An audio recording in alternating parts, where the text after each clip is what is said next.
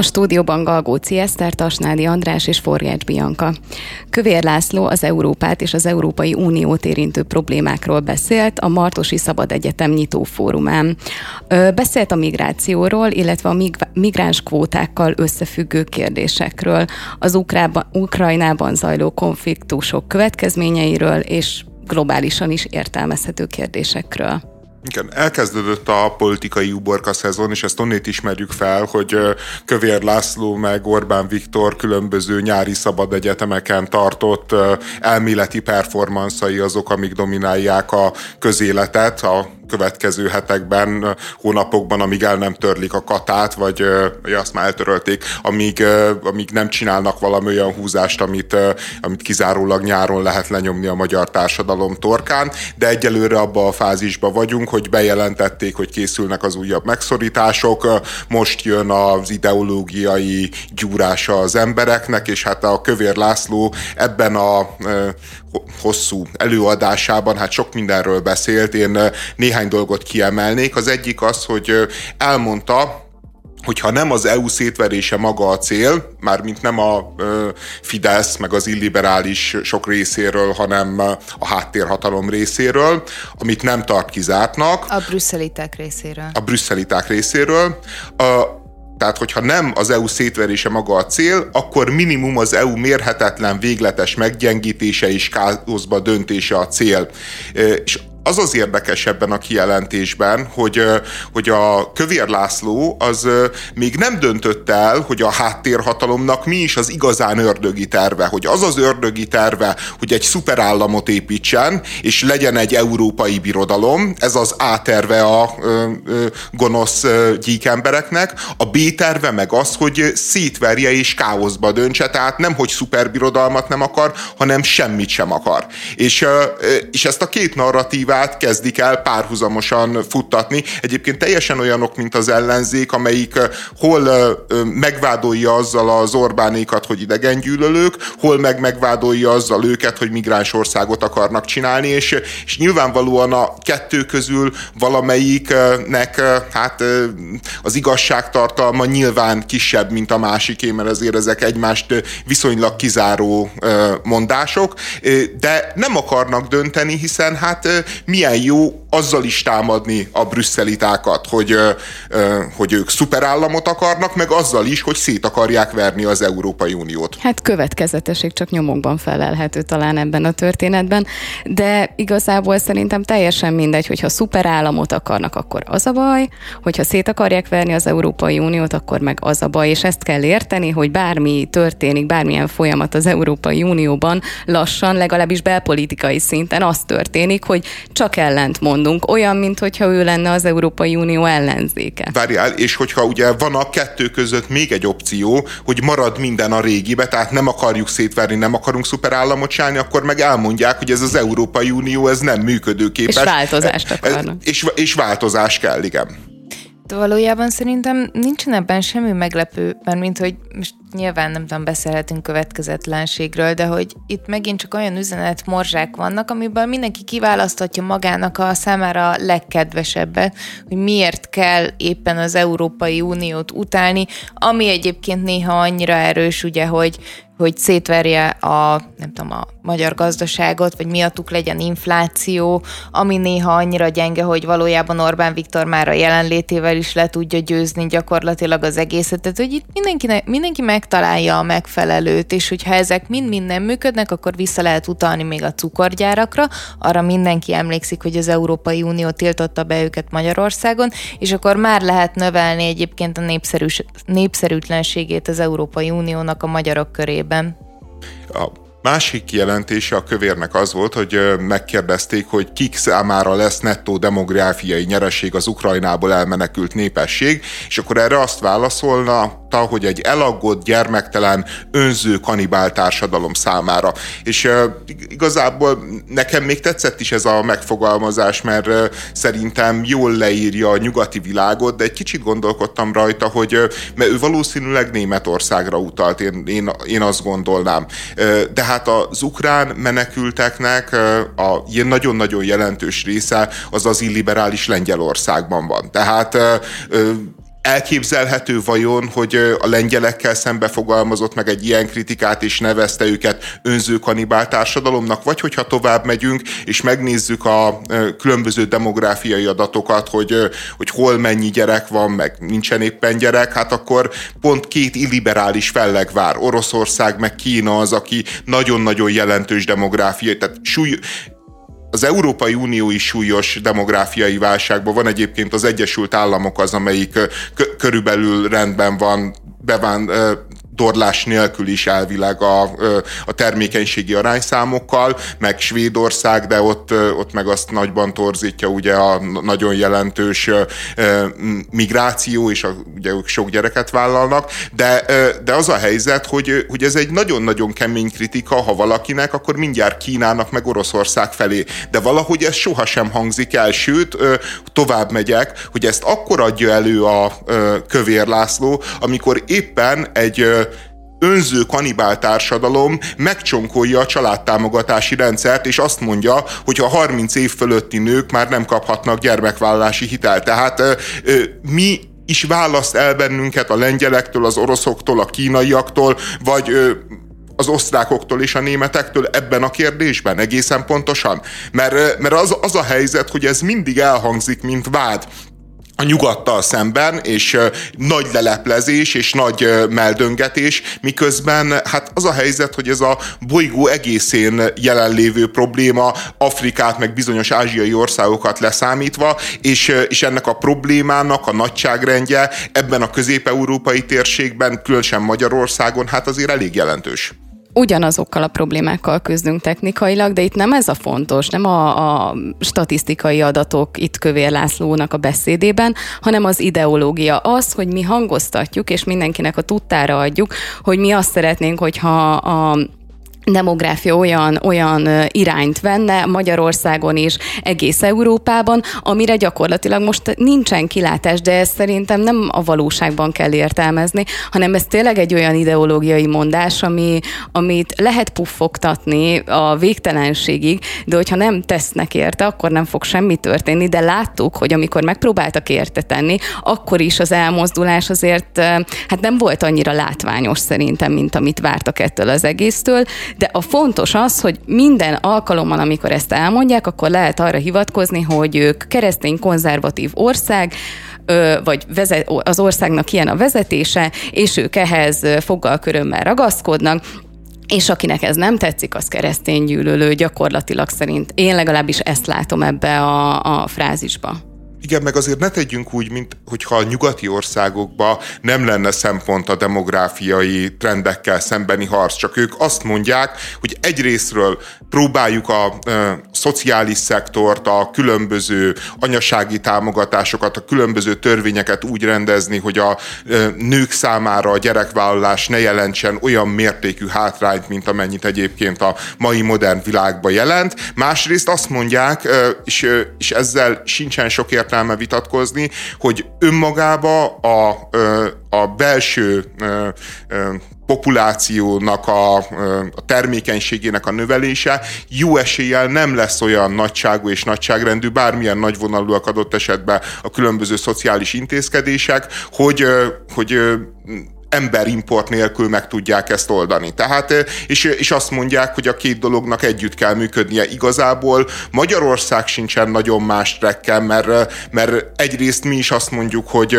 hogy növeljük a, a termékenységet valahogy, és, és tényleg sok mindent tett a kormány, és tényleg egyébként ez 1, 2-es, 1,3-as számról felment majdnem 1,5-re, vagy egy, majdnem 1,6-ra az utóbbi években a, a termékenység Magyarországon, de hát ez még mindig elképesztően messze van attól a 2,1-es számtól, ami ilyenkor a, a mondjuk nyilván nem jelentene növekedés, de legalább stagnálást hozna. És, és ettől is nagyon messze vagyunk, és nyilván Magyarország is belátja azt, hogy, hogy bizonyos típusú migrációra szükség még van, akár a határon túli magyarok tekintetében, akár letelepedési kötvények tekintetében, stb. Tehát, hogy ők is érzik, hogy, hogy itt van probléma, és hogy önmagába saját erőforrásokból rövid távon ezt a helyzetet nem lehet rendezni, de a Nyugat-Európát démonizáljuk, hogy önző kanibál társadalom,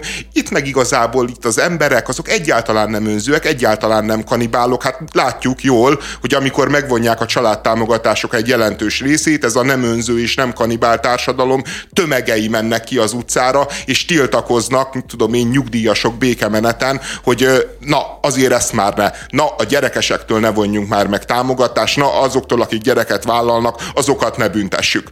De hát nyilván nem történik meg. Ezért szerintem a, a nagy különbség nem csak ott van, mert itt úgy mondtad, mint hogyha konkrétan a nőket támogatnánk Nyugat-Európában, és nyilván mindenhol más a, a szabályozás, de nagy általánosság, hogyha holisztikusan nézzük az egészet, ami talán különbség egyébként a, a magyar támogatásokhoz képest, hogy itt ugye a gyerek születéséhez adunk ö, támogatásokat, és minél több születik, annál több pénzt kapsz egyszerre. Azért ö, abban még elég rosszak vagyunk, amiben Nyugat-Európában nagyon sok ország sok sokkal jobb, hogy gyakorlatilag a már megszületett gyerekeknek szolgáltatnak támogatásokat. Tehát egyrészt mondjuk a, a amit mi családi pótléknak hívunk, a sokkal magasabb. Másrészt egyébként nagyon sok helyen az iskola támogatás az nem arról szól, hogy előre küldenek egy havi, vagy a következő havi családtámogatást, hanem vannak konkrétan iskolatámogatási rendszerek. Van olyan, ahol egyébként mondjuk a, a, a fiataloknak a, az egyetemre való bejutásához is külön adnak támogatásokat, illetve egyébként, ami pedig szerintem a, a legjobb gyakorlat, hogy a fiatalokat nem úgy ösztönzik arra, hogy, hogy igen, tudjanak közös lakásba költözni és letelepedni, hogy akkor vállalják be, hogy megszülnek, vagy ugye terveznek, és mindenképpen produkálnak majd három-négy gyereket, hanem úgy, hogy először olcsóbb bér lakásokba tudnak költözni együtt, ahol el tudják kezdeni az életüket, tudnak spórolni, azért egész mások az, tehát hogy nekem azért, Jó, azért más az a... az anyagi lehetőségei az is anyagi, ezeknek az országoknak. Az anyagi lehetőségek is mások, de nekem a, a logikával viszont egyébként itthon van baj, mert gyakorlatilag, tehát hogy, hogy én azt érzem, hogy mi a nagy családbarát kormány, mi tényleg azt mondjuk, hogy itt van pénz ahhoz, hogy szüld meg a gyereket, aztán hajrá. Míg egyébként azt gondolom, hogy amikor a már megszületett gyerekek kapnak támogatást, a sokkal nagyobb segítség a családoknak, és az valóban egy gyerek és családbarát kormány, ami inkább erre teszi a hangsúlyt. Egy, egyáltalán nem biztos, hogy az Orbánik az nagyon rossz úton járnak ebbe szerintem. Az a helyzet, hogy az, tehát egyrészt van támogatás és van motiváció, hogy minél több gyereket minél korábban vállaljanak az emberek. E, ez, ez egyébként egy logikus végkövetkeztetés abból, hogy, hogy van millió szociológiai tanulmány, hogy Magyarországon a nők ilyen, mit tudom én, 20-25 éves koruk között két-három gyereket terveznek, és ebből lesz egy egész, mit tudom én, mondjuk öt. Te, tehát, tehát, hogy jóval kevesebb lesz ahhoz képest, mint amennyit terveznek, és erre mondta azt a kormány, hogy érdemes már az elején beavatkozni, és érdemes az elején ösztönzőket telepíteni. Én ebbe semmi rosszat nem látok. Ami már vitatható, ugye, hogy az a kormánynak a családpolitikája, hogy ő azt mondja, hogy azok vállaljanak gyereket, akik a gyereket el is tudják tartani, és ezért olyan típusú támogatásokat ad, hogy mondjuk a személyi jövedelemadóból ö, ö, egy bizonyos százalékot megtarthatsz, és, és nálad marad, tehát hogy van támogatás Magyarországon a gyerekek iránt, csak az nem gyerek per kopra megy, hanem azt mondja, hogy ha jól kereső család vagy, akkor támogatunk téged, és akkor kevesebbet kell adóznod, ami nem is támogatás egyébként, de kevesebbet veszünk el tőled. Csak amit mondtál, abból nekem azért kitűnik az, hogy én tervezhetek három gyereket, de megszületik az első, látom, hogy ez mennyibe kerül fenntartani utána, amiben nem támogatnak, és lehet, hogy olyankor módosítom majd a gondolataimat. És én még egyetlen mondatát kiemelném a Kövér Lászlónak, ami szerintem a legkeményebb. Megkérdezik tőle, hogy hát mit rombolnak le ezek a folyamatok, és akkor azt, amik a világban zajlanak, és azt mondja, hogy a tekintélyt és a kultúrát, és megkérdezik, hogy mi ennek a végső célja.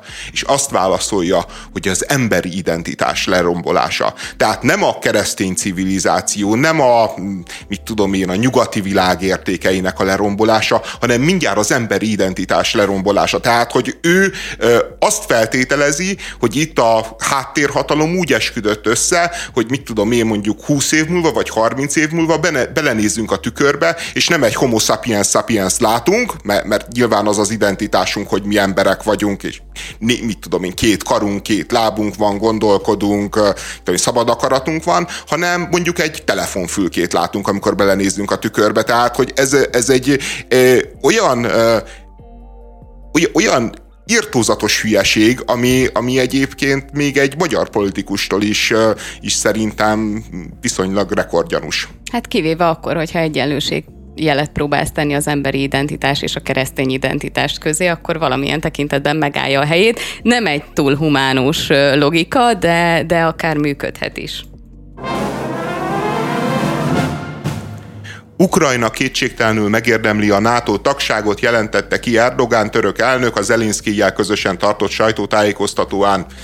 Ö, és hát én nagyon remélem, hogy legalább most visszafogja magát a magyar külügyminiszter, és nem oktatja ki az illiberális birodalom vezetőjét arról, hogy ennek nincs realitása. Ö, egyébként megtette a Biden. Tehát érdekes szerepleosztások ezek, hogy amikor egy nyugati politikus lengeti be az Ukrajna NATO csatlakozását, vagy adott esetben az ukránok követelik, akkor Orbán Viktor az tolakszik, hogy, hogy gyorsan ő legyen az első, aki elmondja meg a Szijjártó Péter, hogy ennek nincs, egyébként tényleg nincsen realitása, elmondani, hogy ennek nincsen realitása, ez most nem aktuális, stb. stb.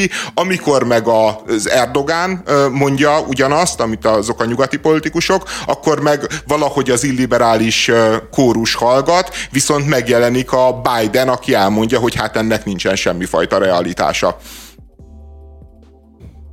Jó.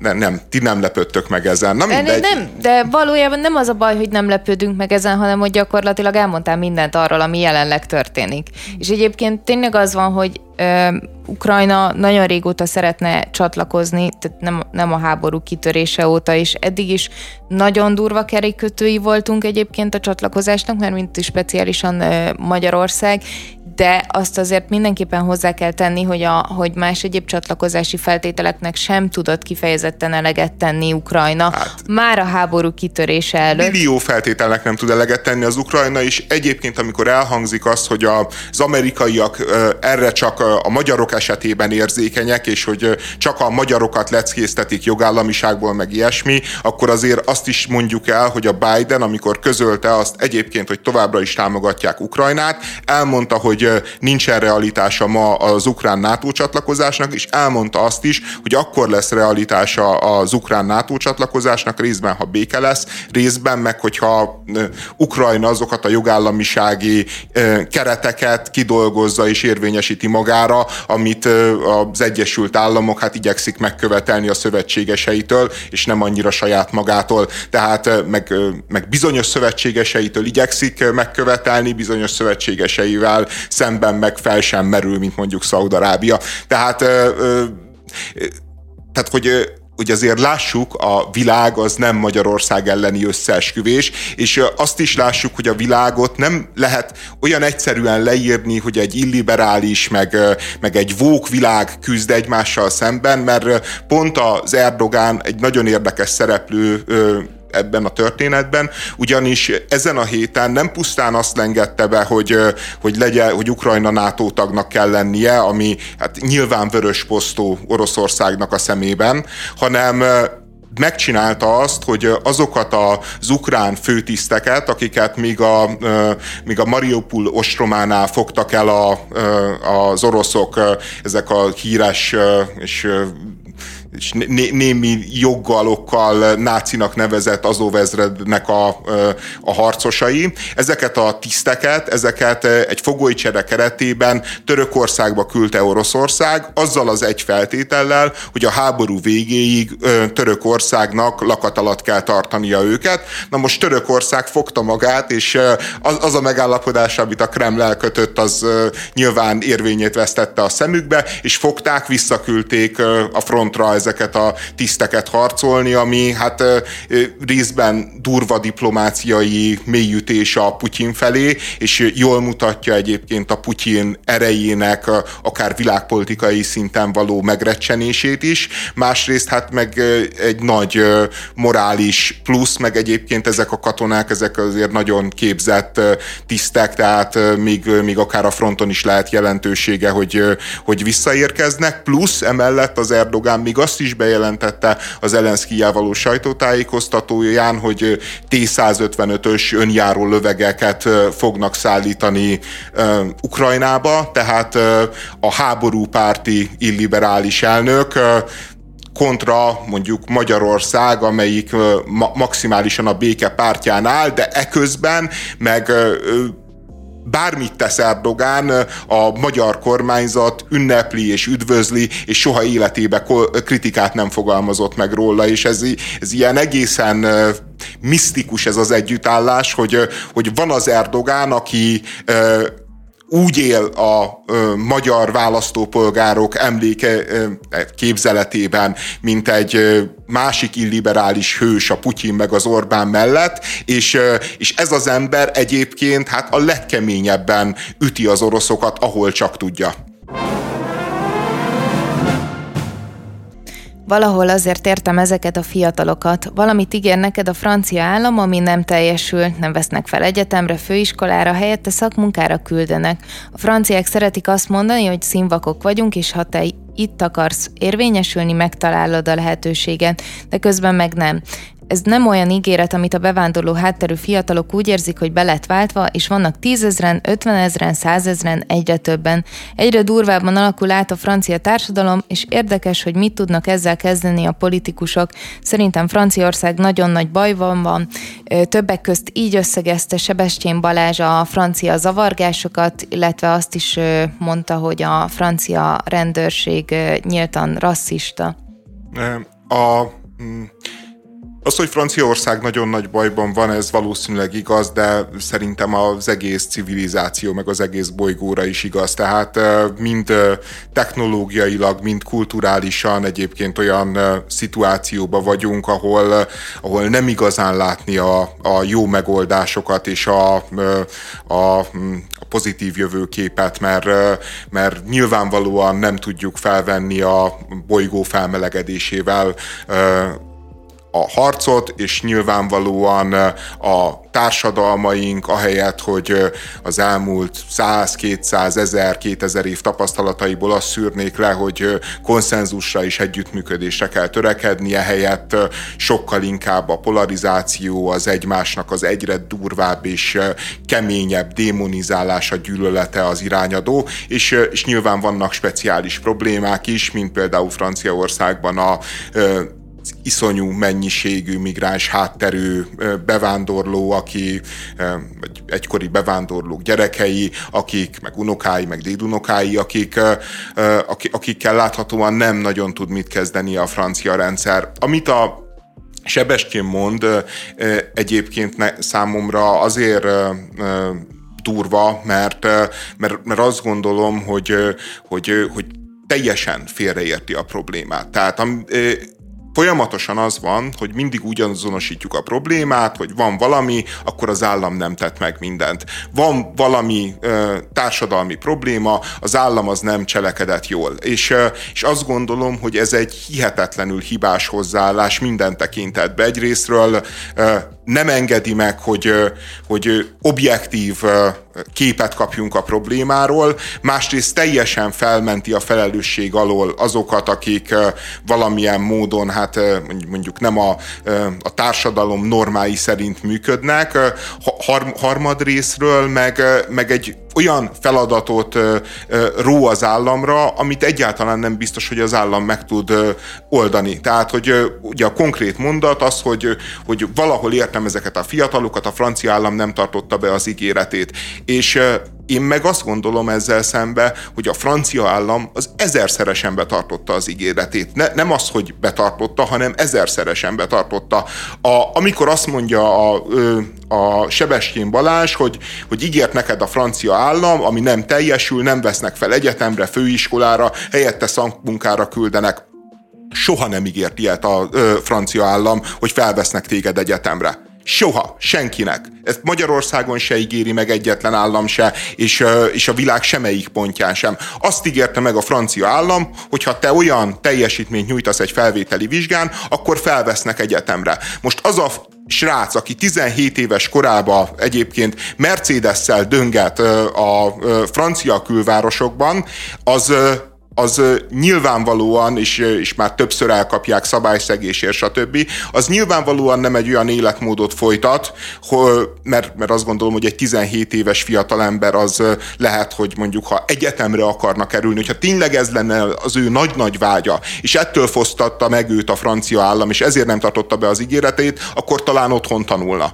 de erről szó nincsen. Ez a, ez a srác egész egyszerűen bulizni akar, ez a srác egész egyszerűen veretni akar, és ő 17 évesen akar veretni, 17 évesen akar bulizni, nem akar érte megdolgozni, nem akar érte áldozatot hozni, hanem neki ez jár. És, és a problémának ez a gyökere. Én azt gondolom, hogy nem a francia állam az, ami megszegte az ígéretét, hanem valójában a reklámipar, a tudatipar, a média az, amelyik amelyik egy hazugsággal házalt ezeknél a gyerekeknél, mondjuk Magyarországon, mondjuk nézzük meg a Vispertont. A Visperton pontosan az a figura, aki, aki akire Balázs gondol, amikor a francia államról beszél. Mert Visperton az, aki azt mondja, hogy gyerekek, tudom én hány éves vagyok, 20 valahány, és lehet úgy élni, hogy egyik nap felszállok a repülőre és elmegyek Dubajba első osztályon, másik nap elmegyek Amerikába és ott influencerkedek egy sort egy, egy luxus apartmanba,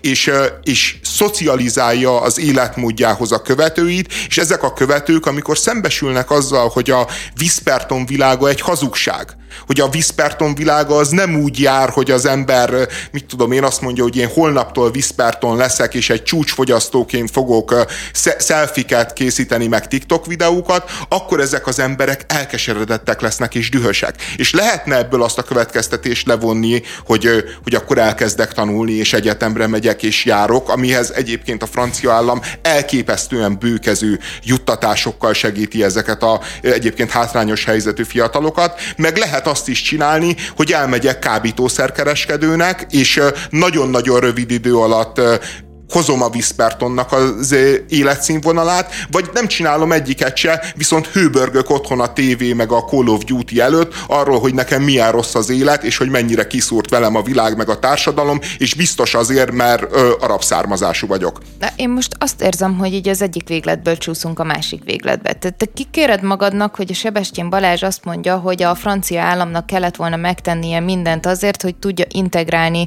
azokat az embereket, akik odaérkeznek, majd te azt mondod, hogy ezek az emberek amúgy valójában igazából a Call of Duty előtt izé panaszkodnak arról, hogy a francia állam nem tett meg mindent azért, hogy ők integrálódni tudjanak évtizedes problémával küzd Franciaország, és egyébként nagyon sok nagy európai város, nem fogjuk ezeket eltagadni. Igen, az, hogyha ha bevándorlók érkeznek az országba, akik egyébként mondjuk eltérő kulturális háttérrel rendelkeznek, egyébként eltérő oktatási rendszerrel rendelkeznek, egyébként gyakorlatilag belecsöppennek valamibe, amit nem is feltétlenül értenek, akkor igenis az államnak van kötelessége abban, hogy hogyan tudja integrálni ezeket az embereket. Ausztriába például, hogyha kimész, akkor helyből ö, adnak neked lehetőséget arra, hogy nyelvoktatásban részesülj, és utána egyébként valamilyen fajta szakmai oktatásban is részesülj. Nyilván ezt tömegekkel nem lehet megtenni, most vonatkoztassunk el a 2015-ös dolgokról,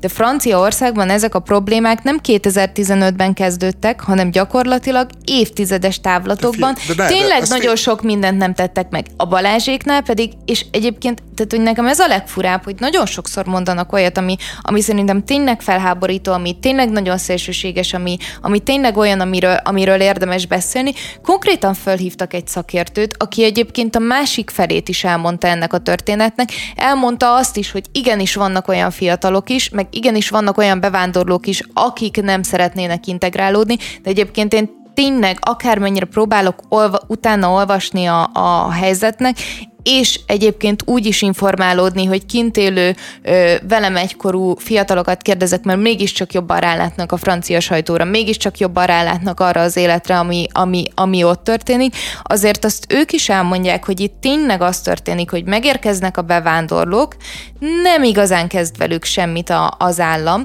Ez ugye már több generációra nyúlik vissza. A kereseti lehetőségeik, valamint azok a munkák, ahova felveszik őket, azok gyakorlatilag nem a legjobbak, így nyilvánvalóan kialakulnak azok a városrészek, a szegényebb negyedek, ahol ők közösen együtt tömörülnek. Ez az integrációt egyáltalán nem fogja segíteni, sőt egyébként minél jobban fogja elvenni a lehetőségeket. És én azért mondom azt, hogy az egyikből ugrunk át, vagy az egyik végletből ugrunk át a másik végletbe, mert nekem például a, a gondolkodásmódom egy picit olyan bármilyen kérdésben, hogy vizsgáljuk meg, hogy ki hol és mit ront el. És igen, van, amit a bevándorlók rontanak el, van, amit a francia állam ront el, nem a mostani, hanem valójában tényleg évtizedekre visszamenően, és ezeknek az összessége kumulálódott most egyetlen egy problémában, egy feszültség, ami gyakorlatilag ö, ott van húsz éve, már, már tényleg mindenki így a plafonon van, hiszen ö, alapvetően a, a bevándorlóknak is van problémája, megjelennek a, a szélső jobboldali erők, egyébként nyilvánvalóan a, a, a, a sima lakosságnak is van problémája azokkal a, a negyedekkel, amik, amik tényleg a bűnözés melegágyai tudnak lenni, de ezek mind-mind-mind tyúk tojás kérdések, hogyha lenne lehetőségük, vagy lett volna lehetőségük két-három generációval ezelőtt tényleg integrálódni, utána lenne lehetőségük egyébként tényleg előrelépni, és nem csak azt látni, hogy, hogy hát majd ilyen szakmunkákra, amikből kevésbé tudsz megélni, arra, arra arra vagy predestinálva gyakorlatilag, és ugyanott fogsz meghalni, ugyanabban a panel lakásban, amiben beleszülettél, akkor, akkor szerintem igenis vizsgáljuk meg azt is, hogy van, aki csak Call of Duty-zik, és Mercedes-szel vereti, és nem tudom, meg nyilván van az is, aki egyébként tényleg egész életében arra készül, hogy főiskolára vegyék fel, és nem veszik fel,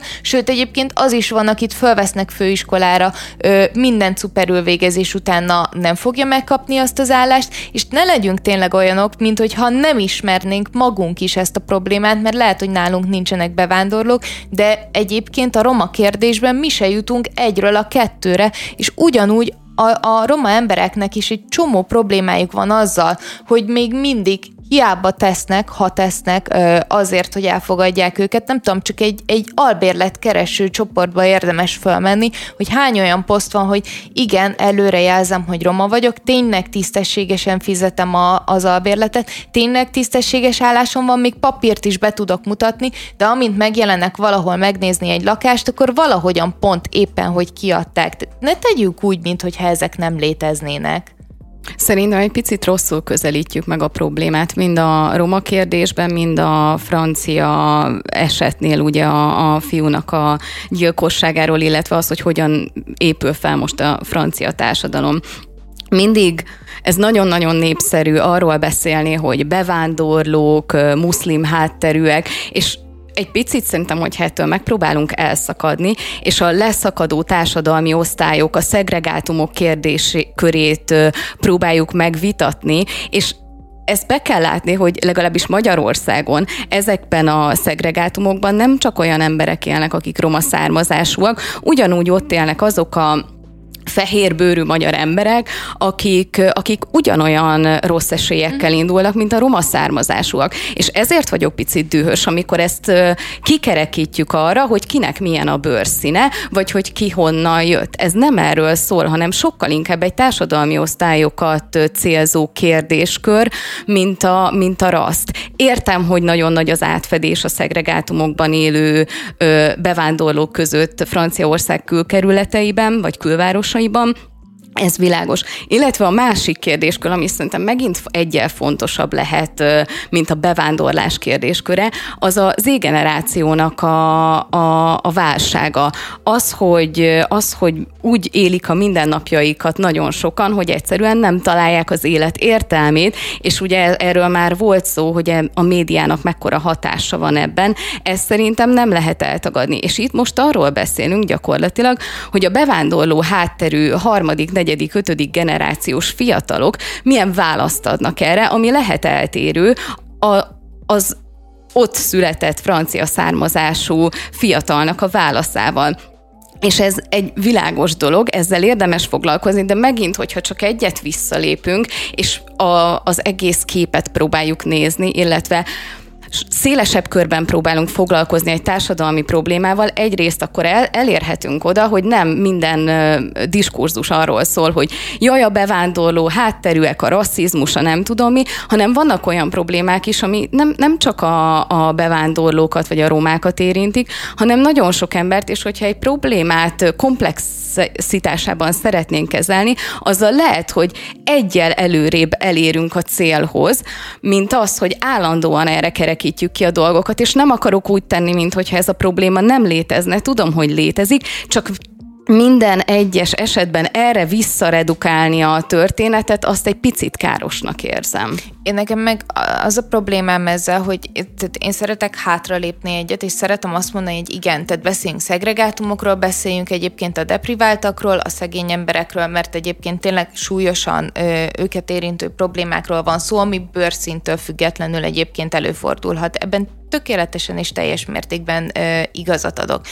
Azért szerintem mondjuk, hogyha külön a bevándorlókat nézzük Franciaországban, ott ö, érdemes tényleg minimum azzal foglalkozni, hogy az egyébként is hátrányos ö, szociális helyzetükből adódó ö, problémákra nyilvánvalóan rárakódik az, főleg, hogyha első generációs, hogy akkor hogyan illeszkedsz be a, a, a nyelvvel, hogyan illeszkedsz be a kultúrával, stb. stb. A többedik generációnál már ez valószínűleg kevéssé, de még mindig meg fog jelenni. És akkor ott vannak viszont ezek az implicit előítéletek, amik meg, meg valójában egyébként őket is kifejezetten sújtják. Tehát én szeretnék abban a világban élni, amiben egyébként e, tényleg holisztikusan foglalkozunk minden egyes problémával, és igen, annak az első gyökerének a megoldása az tényleg a szegregátumok, a deprivált embereknek a valamilyen fajta e, felemelése, a, az, hogy ők hogyan vannak szocializálódva, vagy hogyan tudunk nekik segíteni egyébként abba, hogy beilleszkedjenek a társadalomba,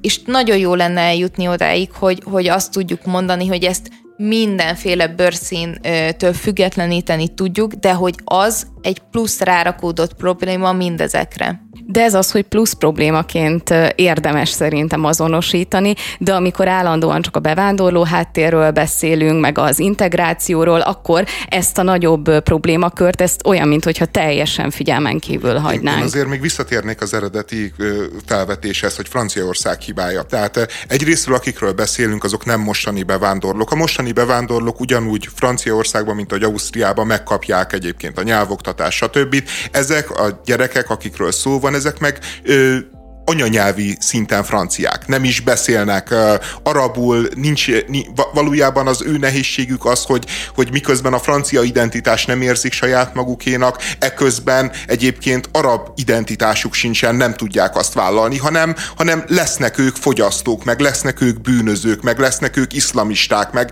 meg, meg lesznek minden, ami ezen a kettőn kívül áll, és amiről, uh, amiről kapnak uh, mintát a médiában. De a probléma probléma az, hogy tényleg az a baj, hogy nem segített eléggé a francia társadalom. Én olvastam egy kimutatást, éves szinten 10 milliárd eurókat ölt az elmúlt évtizedekbe. Minden évben 10 milliárd eurókat az integrációba. És az a helyzet, hogy arra nagyon nehéz baloldali választ találni, hogy mi van akkor, hogyha a francia állam odaküld mondjuk épít könyvtárat egy ilyen, egyébként ezek a lakások, amiket építettek, ezek amikor idejöttek ezek a bevándorlók Franciaországba, borzalmas lakhatási körülmények között éltek bádog városokba. És azt mondta a francia állam, hogy ezt nem hagyhatom, és épített nekik szociális lakásokat. Nyilván egyébként, tehát ez nem a Sanzelizén vannak ezek a lakások, nyilván nem 150 négyzetméteres villák, de valójában mondjuk egy, egy magyar lakótelepi lakásnak a nívóját azért megütik. Tehát, hogy, hogy ezt, ezt tekintjük most egy ilyen nagyon felháborító szociális igazságtalanságnak, hogy így, itt kell élniük. Na, na most e, ez, ezek a kaptak egy csomó pénzt, csomó támogatást, például abba a formába, hogy, hogy oktatást biztosított a, a francia állam. De mi történik akkor, amikor megjelenik ott a fiatal tanárnő rövid szoknyába, és azt mondják a diákjai, hogy te egy prostituált vagy, csak ezt csúnyább szóval, és fogják és elüldözik. Mit tud csinálni ilyenkor a francia állam? Oda küldi azt a tanárnőt, aki segíthetne, és elüldözik. Épít a francia állam mondjuk egy könyvtárat.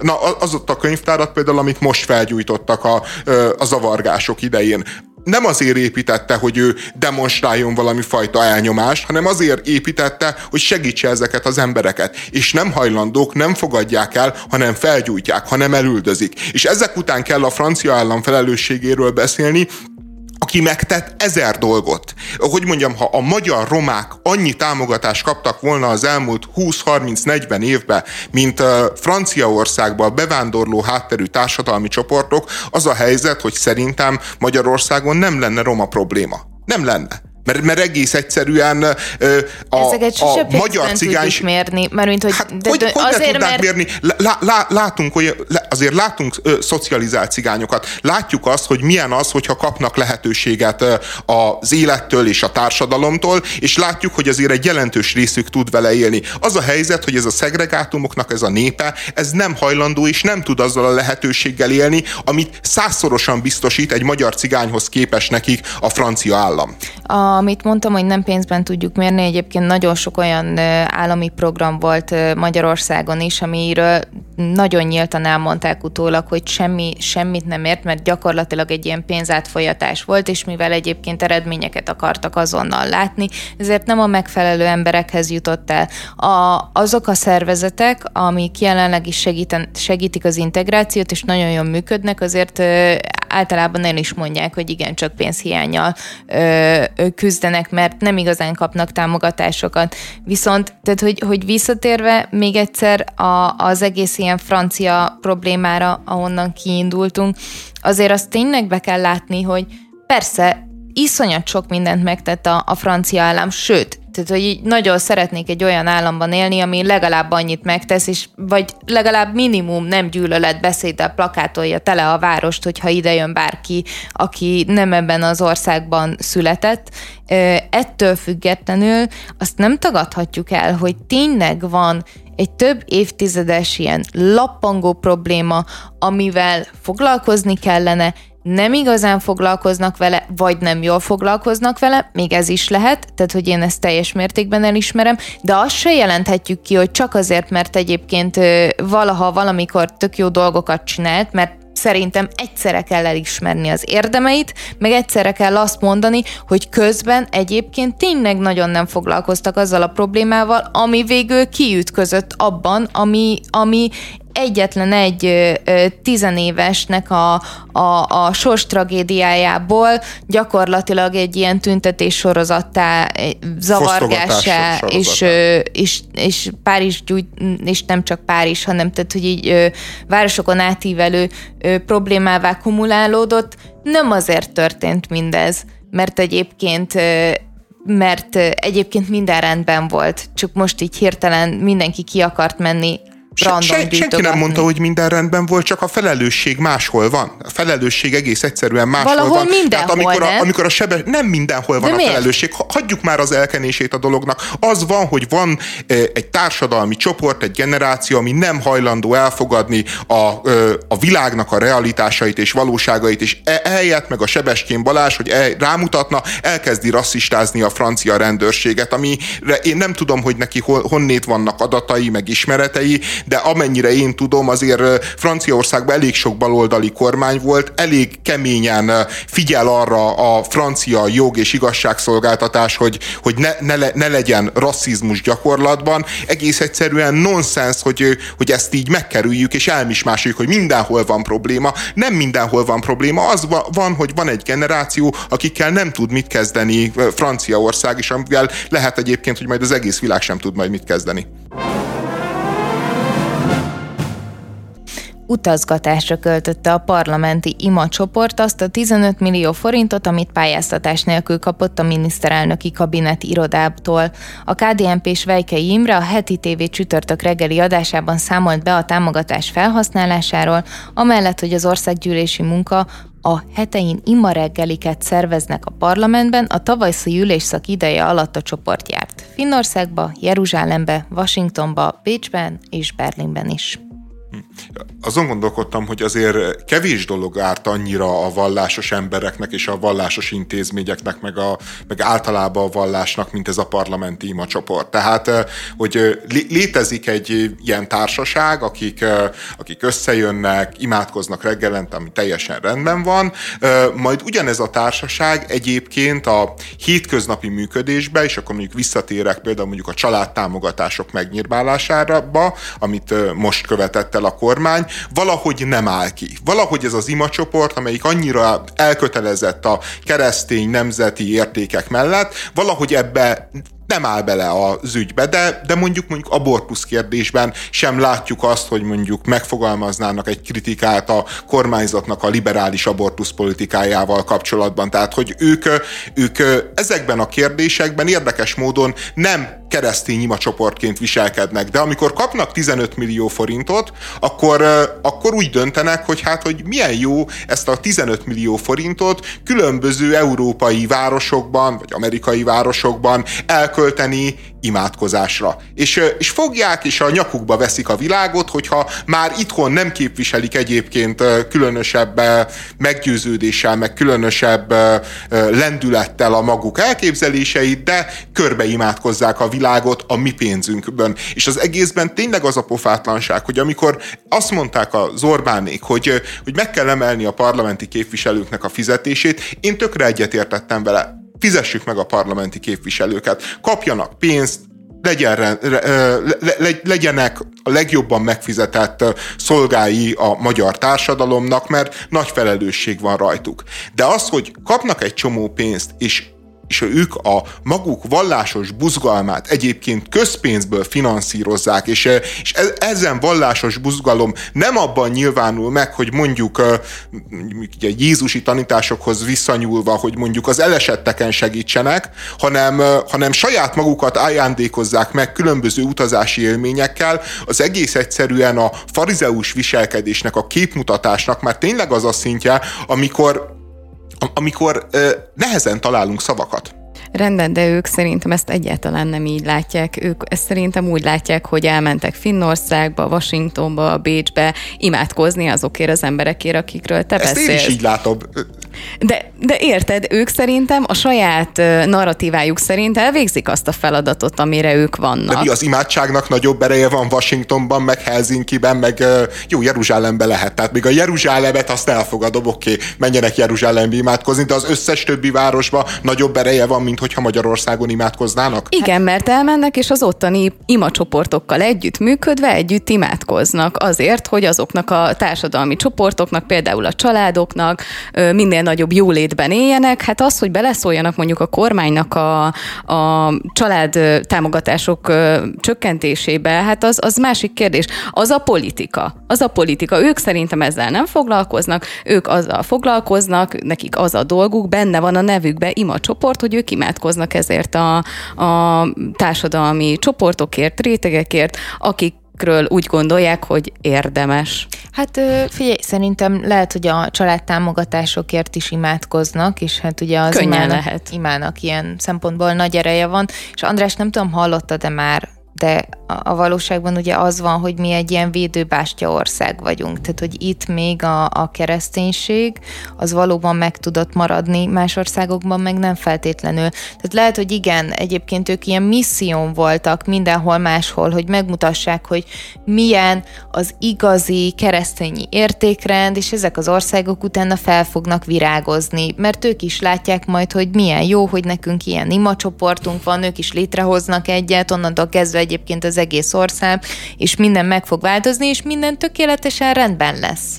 Igen. A, egyébként a riportnak a vége az igazán ö, bicskanyitogató, amikor azt magyarázza ez a KDNP-s országgyűlési képviselő, hogy ö, hát, hogy ők még fizettek is vissza ebből a pénzből, meg hát ez nem is lett volna elég az utazásokra, de, de hát ők nagyon-nagyon prudens módon gazdálkodnak. Tehát, ö, te, tehát elköltik az adófizetőknek a pénzét utazgatásra, és utána még a képünkbe röhögnek, és azt mondják, hogy mi prudens módon gazdálkodunk. Tehát ez tényleg kb. olyan, ugy, ugyanaz a pillanat, és ezek nyilván visszatérő ö, ö, dolgok a nerem belül, mint amikor a hatházival van a vitája az Orbánnak, tudod, amikor lerókázták, és, és akkor oda jön a Szűcs nevű költségvetési bizottsági elnök, és elkezd ő is arcoskodni a hatházival, meg fölényeskedni, meg, meg röhögni azon, hogy, hogy, mit kell, hogy mit követelőzik ő a pénzzel, aki egyébként ugyanaz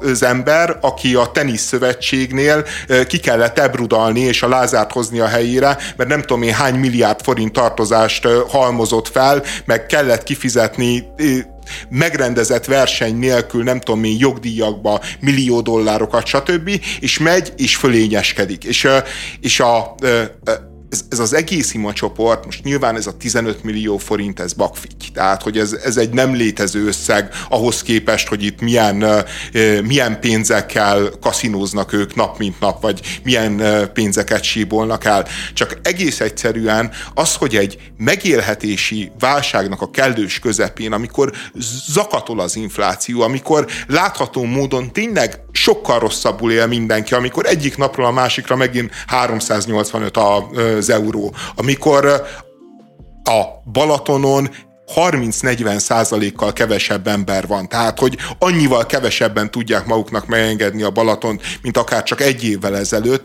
abban a szituációban elmegy és büszkén és beleáll ebbe a dologba, hogy, hogy azt érzi az ember, hogy teljesen elvesztették, hát lehet, hogy a sok imádkozásba, de teljesen elvesztették a, a kapcsolatot a, a hétköznapokkal, meg az emberekkel. Nem akarsz megértő lenni, András. Valójában itt semmi más nem történt, mint egy rendes költségvetési elszámolás azzal a pénzzel, amit ők teljes mértékben megért, megérdemelten kaptak. De egyébként most félreteszem a viccet, és szeretném mindenkinek jelezni, hogy mindvégig vicceltem.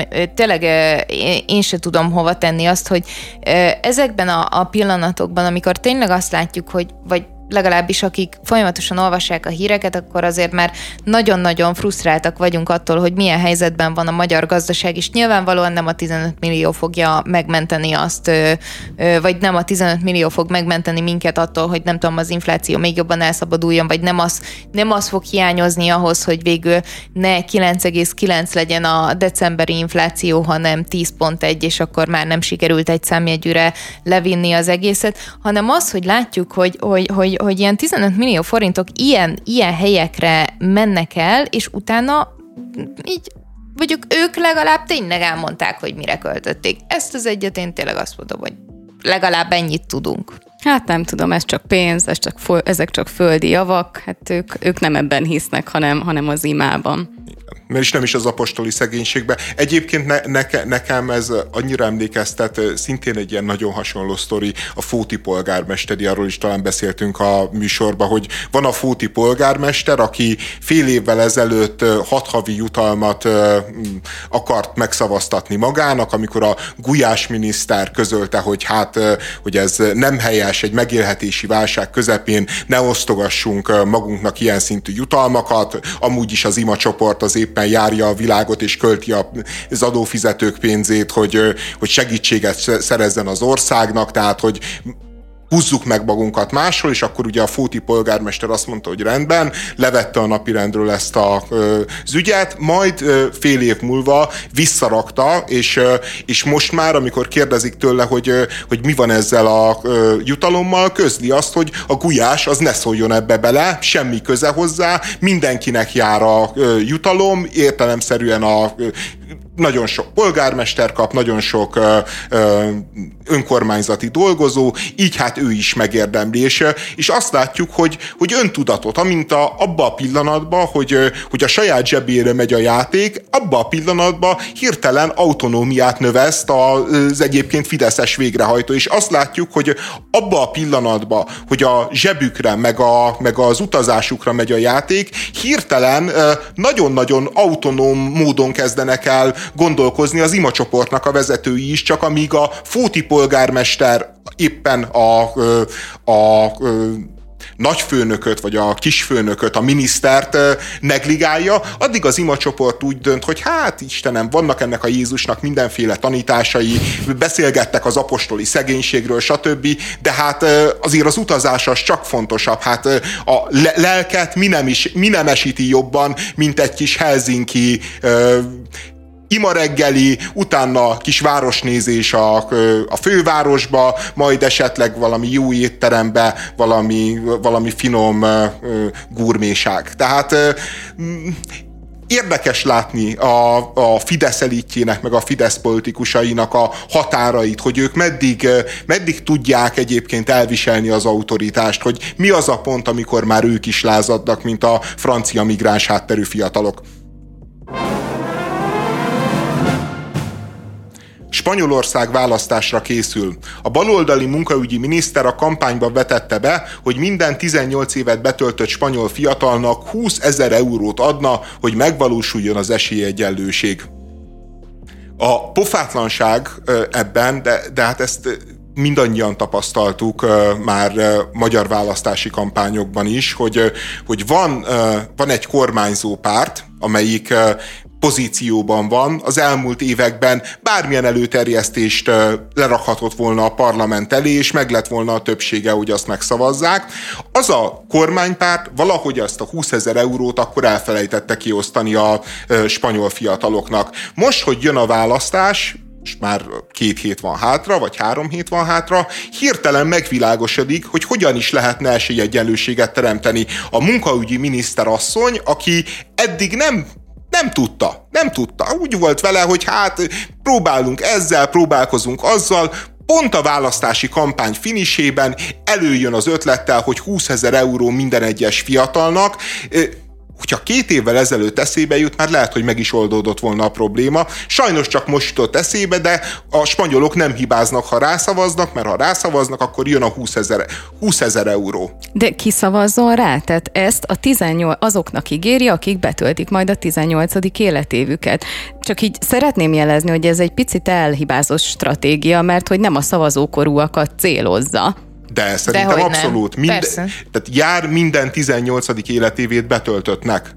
Tehát ja, le... tehát, hogy nem azoknak a jövőben, akik be fogják tört. Tehát nem. minden állam, bocsánat, akkor én teljesen félreértettem ezt a történetet, és még forgattam is a szemem, hogy hát ez egy nagyon-nagyon kedves ígéret, egy ilyen életkezdési támogatás, mert nekem teljesen így jött le, hogy azoknak fog járni, akik betöltik a 18. életévüket, és majd, nem tudom, oktatásra elkölthetik, lakhatásra, bármire, amire szeretnék. De egyébként itt azt hiszem, hogy megint csak az, hogy a magyar sajtóban így mi jön le, meg hogy innen mit látunk, ugye nem tudjuk, hogy pontosan hogyan szeretné ezt megvalósítani, csak annyit tudunk, hogy ugye a gazdagokat szeretné jobban megadóztatni, és a fiataloknak akarja odaadni ezt a pénzt. Lehet, hogy felmenő rendszerben, igazad van Bianca, és felmenő rendszerben innentől kezdve, aki betölti a 18. életévét, én nem ezért mondtam, hogy nem minden választópolgár szívéhez tud szólni, hanem ezt tud szólni a nagymamához, a nagypapához, az édesapához, az édesanyához, aki nyilvánvalóan jót szeretne a, a, a gyerekének, és az már viszont lehet egy széles szavazói bázis gyakorlatilag. A, amit megmondtál, András, megint csak ironizálni fogok, de hogy valójában egyébként lehet, hogy mindvégig ezt akarta megvalósítani, csak eddig folyamatosan számolgatnia kellett, hogy hogyan pakoljuk ezeket az eurókat, hogy hogy fog kijönni az, és hány 18 éves van, és ez mennyibe fog kerülni nekünk, és uh-huh, hát ezt uh, most éppen nem tudja a költségvetésünk megcsinálni. Uh, mi legyen erre a mondásunk? Ah, legyen az, hogy fizessenek a gazdagok, és ez csak most jutott éppen eszébe. De még csak nem is azt mondja, hogy szociális alapon osztogatná ezt a pénzt, hanem minden 18. életévét betöltő fiatalnak. Amúgy szerintem én értelmeztem jól, szerintem ez azokra vonatkozik, akik most 18 évesek, illetve a jövőben 18 évesek lesznek. Ez nem minden állampolgára vonatkozik, aki, aki már betöltötte a 18 jó, hát Nyilván van egy felső limit, mint egy 25 éves kor, tehát hogy sz- szerintem... Jó, Bár erről nem, fogalmunk nincsen. De mindegy, de a hírben egyébként az az érdekes, hogy itt kétfajta populizmus telepszik egymásra. Ugye az egyiket ismerjük, magyar, mind a kettőt ismerjük Magyarországról. Az egyik a fizessenek a gazdagoknak a populizmusa, tehát hogy azt mondja, hogy itt meg kell a, a gazdagokat sarcolni, és abból kell kifizetni ezt a pénzt. A másik, meg amit ismerünk, az Orbán kormánynak ez a mindenkinek jár. Tehát, hogy nem szociális alapon osztogatunk, hanem, hanem mi igenis megcélozzuk a középrétegeket, meg akár a felső középosztályt is az ilyen típusú ígéretekkel, hiszen a 20 ezer euró ér, hát minden szavazatot szeretnénk begyűjteni. Tehát, és és ez Spanyolország, ez Nyugat-Európa, hogy, hogy így működik a demokrácia, hogy ilyen típusú ígéretek, meg mondások, meg, meg blöffök, meg hergelések, meg hazugságok mennek, miközben a a baloldal egyébként ö, teljesen elárulja ö, mondjuk e, ebben a kérdésben azt a ö, egyébként az Orbánékkal szembe is jogos kritikáját, hogy, hogy, hogy szociális alapon kell mérlegelni a támogatásokat, és célzottan kell segíteni, és, és azt mondják, hogyha éppen a választási dinamika az diktálja, azt mondják, hogy felejtsük ezt el, járjon mindenkinek. Pláne, hogyha az esélyegyenlőséget akarom hirdetni ezzel a támogatással, de nagyon érdekes az a, az a dinamika, amit itt, amit itt látunk. Ugye Magyarországon még mindig az megy, hogy a nyugdíjasoknak ígérnek időről időre 13., 14. havi nyugdíjat, illetve nyugdíjemelést, vagy éppen Erzsébet utalványt, vagy ami éppen eszükbe jut. Viszont a spanyol kormány ebben egy picit máshogy gondolkozik, mert ő most már a fiatalokra lő leginkább, vagy a fiatalokra is, nem tudom, de ilyenig szerintem Magyarországon még csak az ígéretek szín. 25 év alattiak adómentessége. Adómentesek Igen, a 25 év.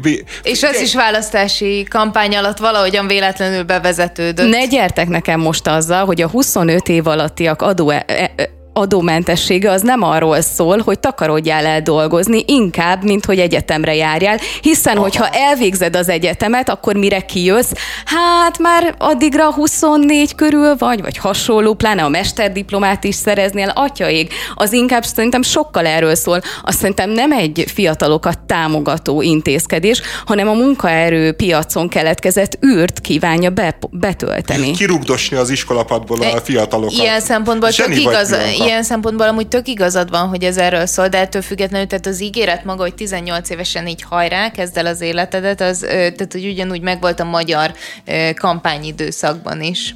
Igen, és uh, szintén egyébként nagyon vicces a spanyol uh, választási kampány kapcsán ugye az időzítés ennek a dolognak. Tehát július 27-én lesz talán a választás, hogy sikerült a spanyol kormánynak uh, találnia egy olyan napot az évbe, amikor uh, a spanyoloknak a negyede nyaral, a másik uh, negyede meg nagyon át fogja gondolni, hogy a 45 fokba elinduljon-e szavazni. Tehát uh, a választási manipulációnak egyébként egy minősített esete az, amikor, amikor egy olyan napra jelöli ki a kormány a, a demokrácia ünnepét, amely, amely nap valójában alkalmatlan az ünnepségre. Hát vagy lehet, hogy így akarják, tudod, megszűrni azokat, akik úgy igazán eh, érdeklődnek a politikai iránt, tehát hogy akiknek igen nagyon fontos, akik igen átgondolják, és bármit hajlandóak megtenni, tehát ez egyfajta szűrője a választóknak. Ja, Nem, tehát, eh, amúgy tényleg nevetséges. Meg hát láttuk már ugye a Brexitnél volt egy ilyen komoly dilemma, hogy a, a választás napja az ugye pont a Glastonbury Fesztivál idejére esett, amikor és egyébként ott totál dilettantizmus volt, mert ugye a kormány, aki kijelölte az időpontot, ők nem akartak kilépni a, a, az Európai Unióból, de sikerült úgy elintézniük, hogy a fiatalok, akik inkább támogatták volna a maradást, azok így hát vagy időben átjelentkeztek, hogy tudjanak szavazni, vagy nem. És most itt is valami hasonló helyzetet fogunk majd látni, hogy kíváncsi leszek a számokra, hogy hányan fognak megjelenni. Igen, és már most is vannak egészen abszurd történések a július 27-e miatt, hogy Spanyolországban az a rendszer, hogy minden szavazókörbe lennie kell három felügyelőnek, akiknek nem a pártok delegálnak, hanem kisorsolják az állampolgárok közül. És, és az a helyzet, hogy például van olyan spanyol város, ahol, ahol 900 betöltetlen hely van, és, és most az a mondás, hogy úgy fogják betölteni ezeket a helyeket, hogyha bemész reggel szavazni, és pekjedre mondjuk az első három között vagy, akkor kényszersorozással ott tartanak. És azt mondják neked, hogy nem mehetsz haza, neked végig kell ülnöd az egész napot, és ezért kapnak, nem tudom, valami 27 ezer forintnyi eurót, de, de a lényeg, hogy bármi, amit terveztek arra a napra, az, az prolongálva lesz, mert, mert ők ott maradnak. Tényleg mindent megtesznek, hogy távol tartsák a szavazókat az urnáktól. Hát legalábbis a reggeli szavazókat mindenképpen. Hát meg amúgy is tényleg, hogyha valaki nem nyaral, ugye Spanyolországban ö, simán lehet, hogy valaki a turizmusban él, turizmusból él, és ott hát abszolút ez a július, ez, ez egy nagyon-nagyon bizi időszak. Úgyhogy nagyon érdekes a, a történet. Ugye mindig ez a matekozás, hogy melyik pártnak jó, hogyha nagy a részvételi arány, melyik pártnak jó, hogyha kicsi. Ö, nem... Milyen lesz az időjárás egyébként, ez nagyon vicces, de ezt tényleg mindig számolják, hogy esni fog az eső, akkor kevesebben mennek, de aztán ott van vele szembe, amit az András mondott, hogyha iszonyatosan süt a nap, akkor se biztos, hogy el fognak indulni. Azért Nálunk a spanyol... A esett ugye áprilisban. Igen, a spanyol júliusnál mondjuk ez az időjárási kockázat annyira nincs benne, mert mert nagyjából hát, lehet tudni. Biztos, hogy nem, nem embernek való idő lesz. Tehát, hogyha ott majd állni kell sorba, ne adj Isten, a, jó, most nem lesz sorba állás, de hogyha állni kellene, azt azért az nem embernek való. Még annyi egyébként, hogy, hogy ami, amit látunk, az, hogy ezt megmerik húzni, és azt merik mondani, hogy, hogy július 27-e a választás napja, ez mutatja, hogy igazából tényleg teljesen megszűnt az a fajta politikai centrum, vagy politikai középszavazó, aki az ilyen típusú ügyeskedésekre, meg az ilyen típusú politikai arroganciára, meg, meg szemétkedésre, csak Dafke is elmegy és szavaz ak- akkor az ellen, aki ilyen módon próbálja manipulálni a választásokat, hogy, hogy azt mondják, hogy ilyen nincsen. Törzstáborok vannak, és, és, és a törzstáborban mi nyilván jobban állunk, mint az ellenzék, a bizonytalan szavazókat meg ezzel távol tartjuk, és így teljesen rendben lesz. Egy olyan jelenségről fogunk beszélni, amit időről időre lehet érzékelni, és nem csak a mi műsorunkkal kapcsolatban, hanem általánosságban szeretnénk foglalkozni ezzel a jelenséggel.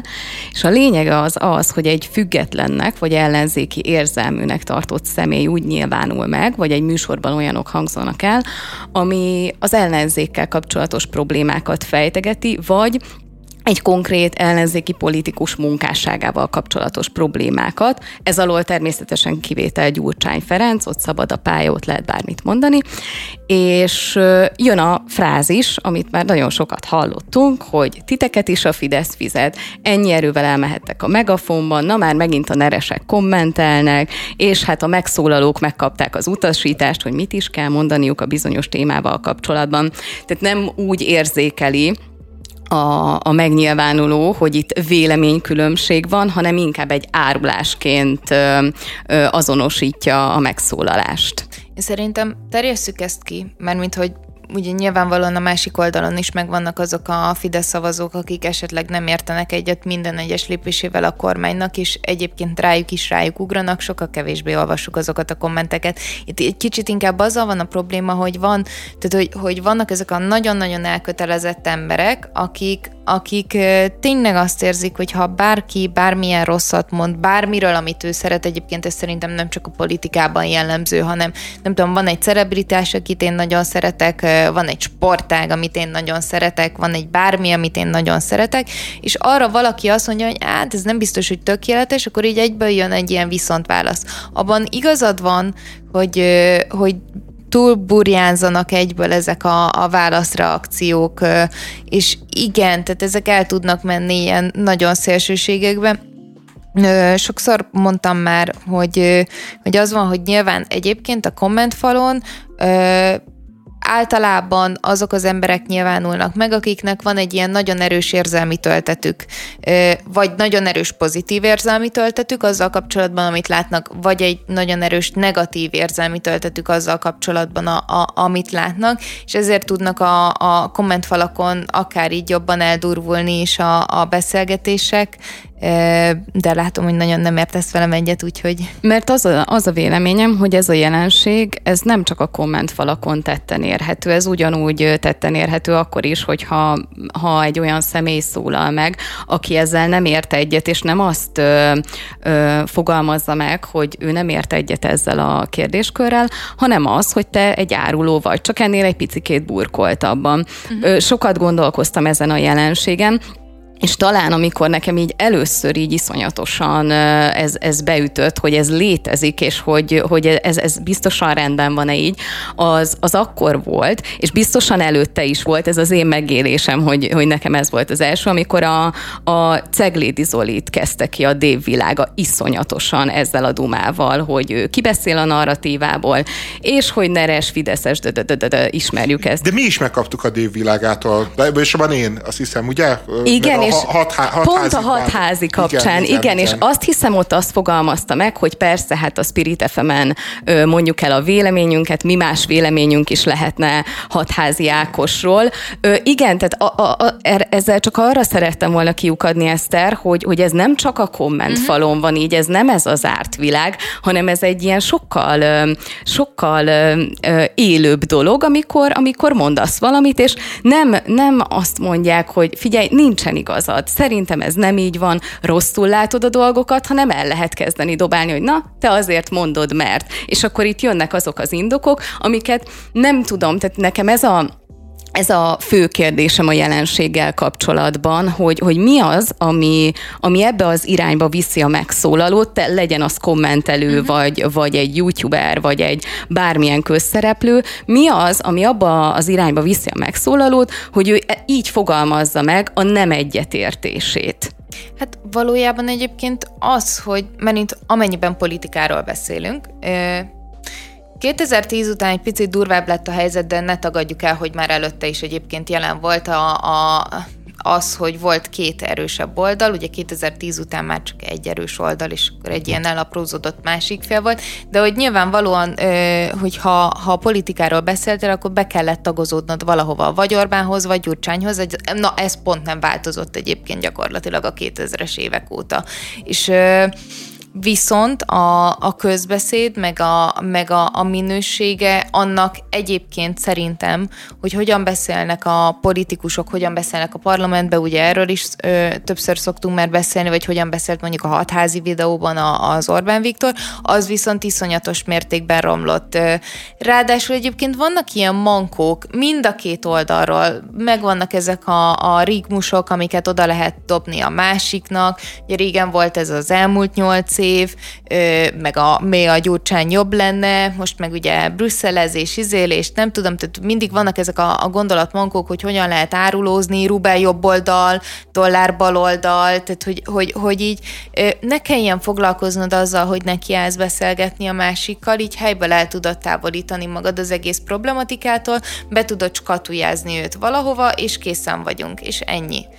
Szerintem ebben iszonyatosan van felelőssége a politikának, mert olyan szempontból, hogy azok a szereplők, akik megnyilvánulnak benne, ők ugyanezt a, a mintázatot adják, tehát hogy nem egy olyan országban élünk, ahol lehet értelmes vitákat folytatni, ahol lehet nem egyetérteni, és aztán utána úgy jól felállni, meg átgondolni a másiknak az érveit, és utána egy picit tényleg a saját gondolatvilágunkon is változtatni, de azt viszont meg szeretném hozzátenni, hogy nagyon sokszor tehát, hogy ezeket látjuk, ezeket a kommenteket, ezeket látjuk, most mondtad itt a, a YouTube-os videókban, látjuk a, a kommentfalon, és igen, amúgy lehet ezzel találkozni a hétköznapi életben is, hogyha mindenképpen beszélgetsz, főleg idegenekkel politikáról, tehát, hogy ezek, ezek így megjelennek, de, de ne tegyünk úgy, mint hogyha csak ez jelenne meg. Én mindig azt érzem, hogy ezek a szélsőségek sokkal láthatóbbak, mint, a, mint az átlagos beszélgetések emberek között.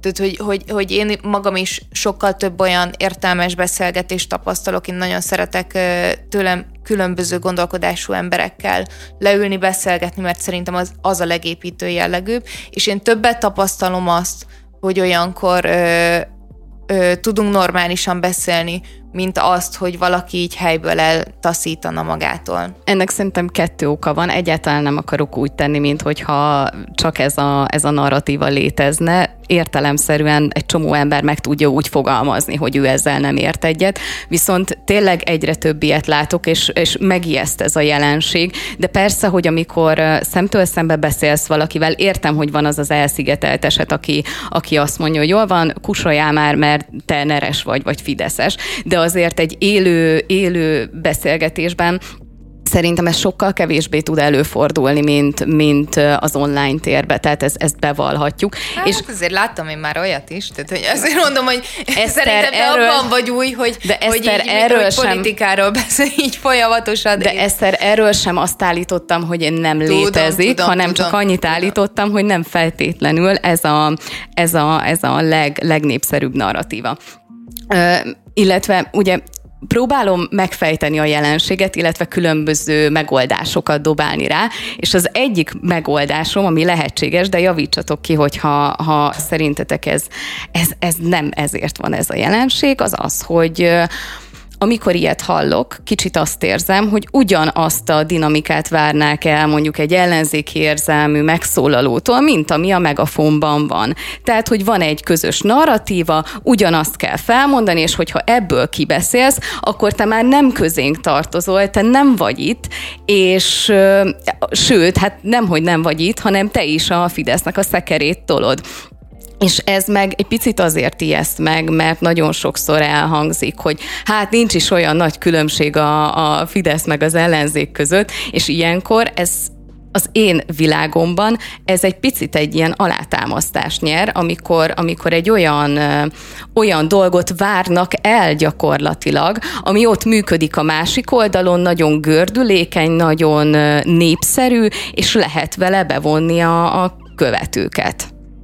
Jó, de tehát azért azt látni kell, hogy a, a, a Fidesz, meg az Orbán Viktor, az úgy várja el a megafontól azt, hogy, hogy mondják ugyanazt, hogy ők marketing tankönyvekből jól megtanulták, hogy hogyan működik egy hatékony kommunikáció.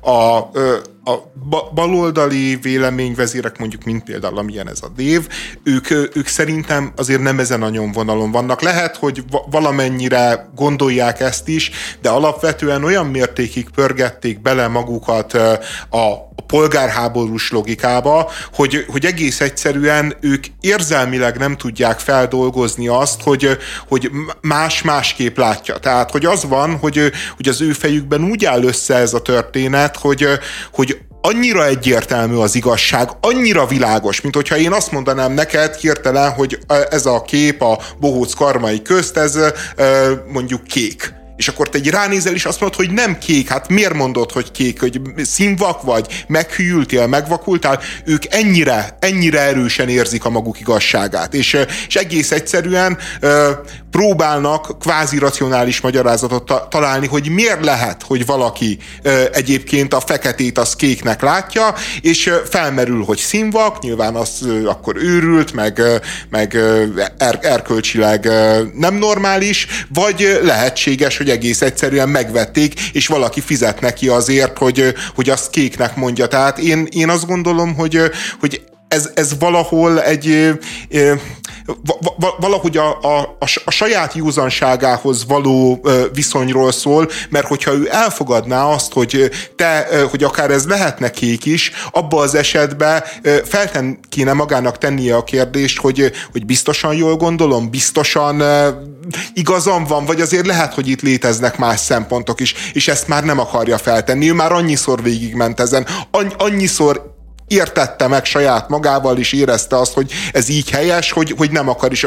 És különösen az ilyen figurák, mint a Hatházi meg az Orbán, akik ö, ö, ö, különböző fontosságúak a magyar politikába, de mind a kettő ilyen ar- arhetipikus karakter, akikhez nagyon-nagyon ö, erős személyes viszony tud fűzni, fűződni. Tehát az Orbán ez a évszázadokon keresztül minket végigkísérő köpcös TSZ elnök, Döbrögi, tehát hogy, hogy ő az, aki mindig is megjelenítette a hatalmat, mindig is adott valami fajta biztonságot, az ő arroganciája, az ő, ő keménysége, az ő gunyoroskodása, az, az valójában egy ilyen hatalmi jelkép, amit a, a hívek azok úgy fogadnak el, hogy na, nagyon jó, látjuk, hogy ez az ember alkalmas vezetésre, akik meg, me, meg ellene vannak, vagy kritikával illetik, azokat meg a végtelenségig felháborítja. És ugyanígy a hatházi, aki meg ez a, az igazmondó juhász, a proféta, a, a saját hazájában meg nem értett fajta, az, az, az szintén egy olyan arhetipikus karakter, amivel nagyon sokan tudnak azonosulni, mert egész egyszerűen a, a mítoszok világából ez, ez, ez, ez a karakter ugrik nekik elő, és jön fel, és, és valójában a mítoszok világába kell keresni azt is, hogy, hogy miért mindig jobb az összeesküvés elmélet, mint esetleg egy, egy, egy unalmas igazság. Azért, mert, mert egész egyszerűen izgalmasabb, és az ember izgalmasan akarja berendezni a világát, és, és sokkal jobb meghallgatni Bogár Laci bácsinak mondjuk egy 5 perces speechét arról, hogy a világ valutarendszere és a te pénztárcád azért olyan, olyan amilyen, az egyik kicsi, a másik meg, meg, meg, meg iszonyú nagy, és, és szívják belőle a pénzt a gonosz erők, mert, mert egy titkos világ összeesküvés van mögötte, mint mondjuk meghallgatni egy 10x órás előadást arról, hogy, hogy a nemzetközi pénzpiacoknak milyen problémái vannak, azzal kellene mit próbálnak tenni az államok, vagy mit nem próbálnak tenni, ki miért lobbizik, mert, mert egész egyszerűen az 5 perc alatt nagyon jól átélhető, nagyon izgalmas, az ember beavatottnak érzi magát, és már is van 12 órányi tudás, amit te úgy szereztél meg, hogy igazából nem is volt értelme, mert én öt perc alatt itt vagyok az igazsággal. És, és ez egy valódi tudás, vagy egy ilyen élmény inkább? Hát minden élmény, valójában minden élmény, semmi, semmit sem tudunk. Ott biztosan hibát követek el, amikor ezt a racionalitás mentén próbálom megfejtegetni ezt a, ezt a kérdéskört, nem pedig az érzelmek szempontjából. Az biztos, hogy amit elmondtál, nekem is az egyik pontom az ez, hogy, hogy ez a szinte háborús pszichózis, amikor annyi kormánypropaganda propaganda ö, ömlik valakire, hogy egyszerűen már nem tud nem polarizáltan gondolkozni, hanem van A és B fekete és fehér, és semmi más nincsen a világában, és amikor hall egy információt, akkor azt beteszi valamelyik fiókba, és a kettő között nincsen semmi, és nem egy, nem egy gondolatmenetet próbál meg, meg felfejteni, vagy követni, hanem... Vagy cáfolni. Ha, vagy cáfolni, vagy megérteni, hanem egyszerűen ö, információ morzsákat pakolgat jobbra-balra, és amikor azt látja, hogy atya ég, hát itt ennek üresnek kellene lennie, hogyha egy egy, nem tudom, egy ellenzéki érzelmű megszólalóról beszélünk, de hát itt van valami, ide tettem valamit, hát ez miért van, és akkor ad rá egy ilyen nagyon gyors, és ahogy te fogalmazol, szerintem tök jól fogalmazol, hogy egy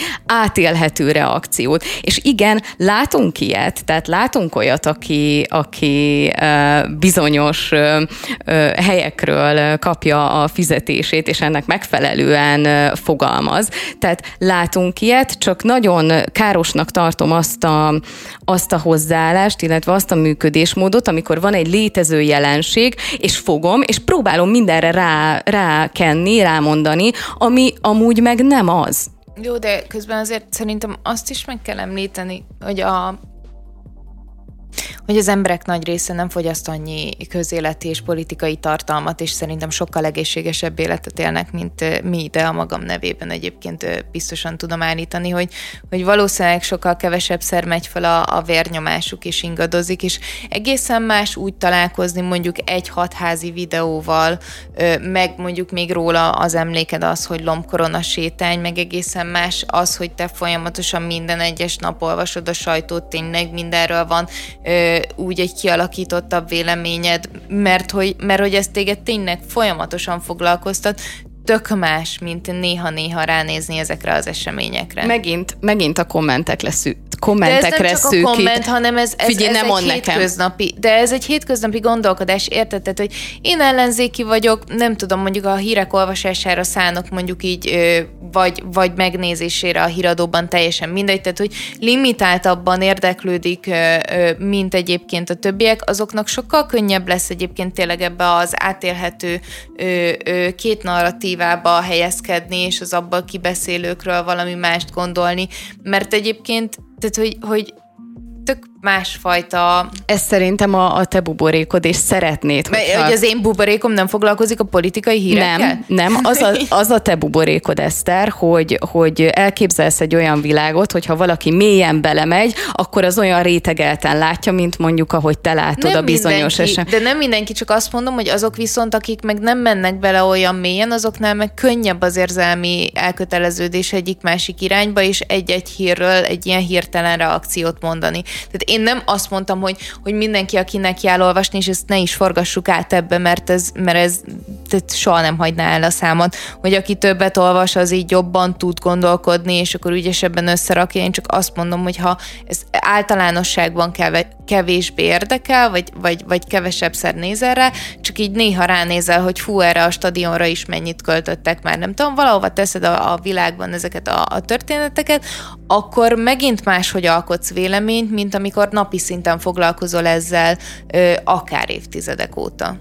Hát szerintem egyébként teljesen mindegy. Tehát itt az érzelmi bevonódás a kérdés, hogy van, aki egy stadion híren úgy fel tudja cseszni magát, hogy, hogy az két-három hétre elég érzelmi üzemanyag a, a kommentelésre.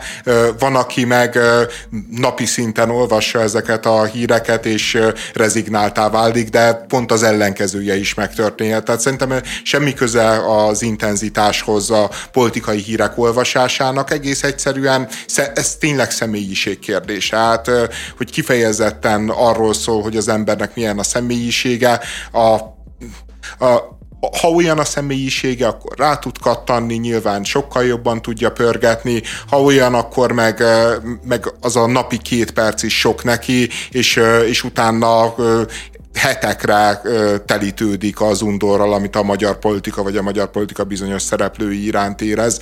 Én nekem inkább az a, a furcsa ebben a, a dologban, hogy, hogy ami kiváltotta ugye nálunk az, hogy a kommentfalon egy ilyen nagyon erős konfliktus lett abból, hogy a, hogy a hatházi Orbán vita kapcsán nem az történt, hogy, hogy, a, hogy bárki is azt mondta volna ebbe a stúdióba, hogy a, az Orbán helyesen járt el, és a, és a hatházi az, az, az minek, minek ment oda, és bántotta szegény miniszterelnök urat, hanem csak annyi hangzott el, hogy a, amit az Orbán Viktor csinál, az, az szimpatikus a híveinek, és szimpatikus a, a világának. És, és egyébként szerintem ez tényleg igaz, hogy az Orbán Viktor az hihetetlenül érzi olyan értelemben a magyar néplelket, hogy, hogy nagyon-nagyon jól tudja adagolni a kisgrófóval mulatozó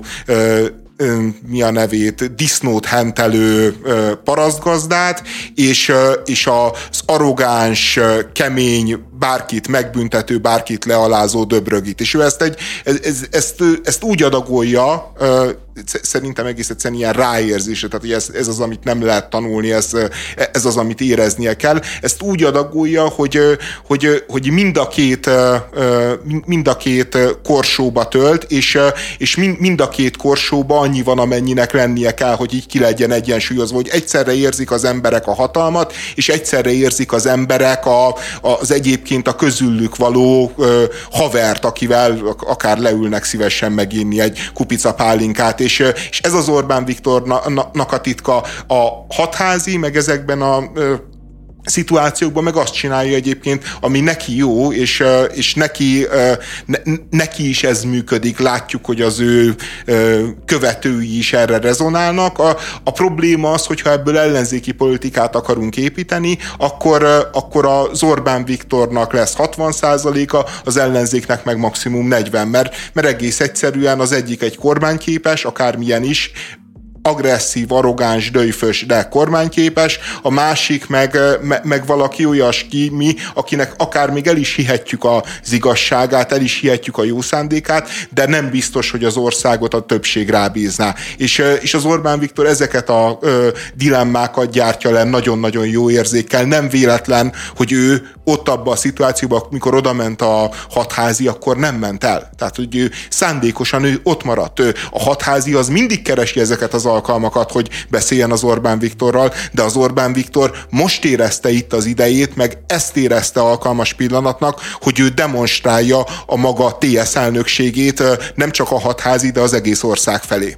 Igen, de hogyha ezt elmondod, akkor előtte legalább 10 percet beszélned kell arról, hogy Orbán Viktor micsoda hitvány ember, és hogy mit tett ez az országgal, és hogyha ezt utána egy, egy egy perces kis dialógus vagy monológban megfogalmazod, akkor nincsen nagy gond, akkor, akkor, akkor nem vagy akkora ellenzékáruló, de így, hogyha csak ezt fogalmazod meg, akkor abból nagyon-nagyon sokan azt olvassák ki, hogy te Orbán Viktor rajongó vagy, és hogy ez szerinted ez rendben van, ami itt ebben az országban megy, holott nem ez hangzik el, és nekem ez a szelektív sükettség az, ami egy picit zavaró jelenség.